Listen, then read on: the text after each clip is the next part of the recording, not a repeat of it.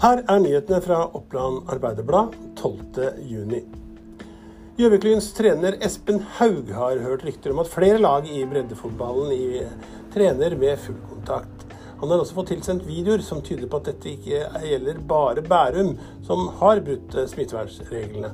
Andredivisjonsklubben ble tatt på fersk gjerning av VG da de tirsdag gjennomførte trening med full kontakt selv om andredivisjon og lavere divisjoner fortsatt ikke hadde lov til å trene med denne formen for fotball. Han opererer på mange scener, og nå er Espen Reboli Bjerke nominert til den gjeve Hedda-prisen.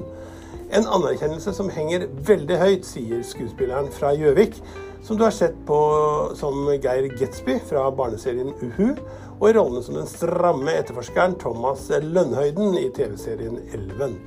Men det er eh, som den skakkjørte halliken Lenny i stykket 'Hjemkomsten' som Espen Reboli Bjerke er Hedda-nominert i, i kategorien for beste mannlige skuespiller i år. Posisjonen valgte å skrote planene om parkeringshus i tilknytning til studentboliger i Røverdalen. Utvalget for kultur og teknisk i Gjøvik behandlet torsdag saken om at kommunen bygger et parkeringshus i tilknytning til studentboligene. Posisjonen la fram forslag om å droppe hele parkeringshuset. De mener det nå er blitt for kostbart. Vi i posisjonen vil at Gjøvik kommune legger bort planene om et parkeringshus. Bakgrunnen er de økte kostnadene, og i tillegg til kostnadsrammen er ikke kostnadene til utenomhus anlegg med i beregningen, sa utvalgslederen Kjersti Bjørstad fra Senterpartiet.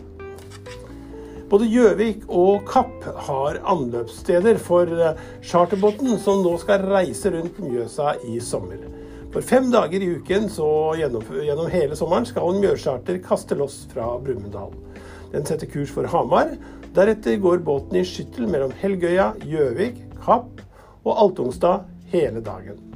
Båten er innom Helgøya åtte ganger i løpet av en dag, og Helgøya er en sentral havn i tilbudet. Det koster 30 kroner per person per strekning.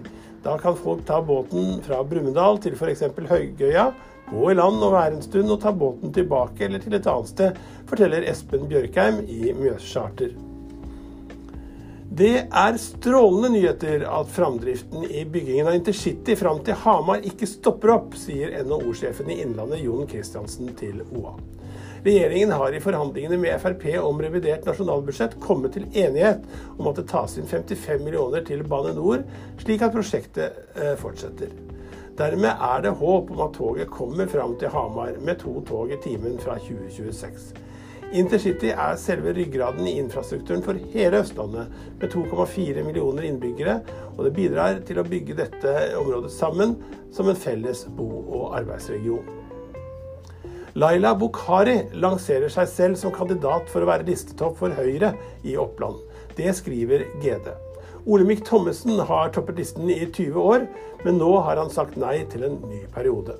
Bukhari er statsviter, forsker, har vært statssekretær i to perioder, og eh, har sittet nær som rådgiver for statsminister Erna Solberg.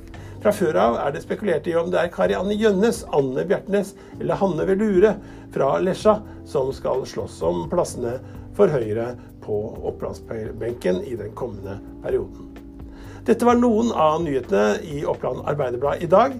Du kan lese flere nyheter, eh, ferske som sådan, på oa.no, eller du kan laste ned fra nettet en av våre eh, aktuelle podkaster. Mitt navn er Erik Sønsterli, og jeg ønsker deg på gjensyn.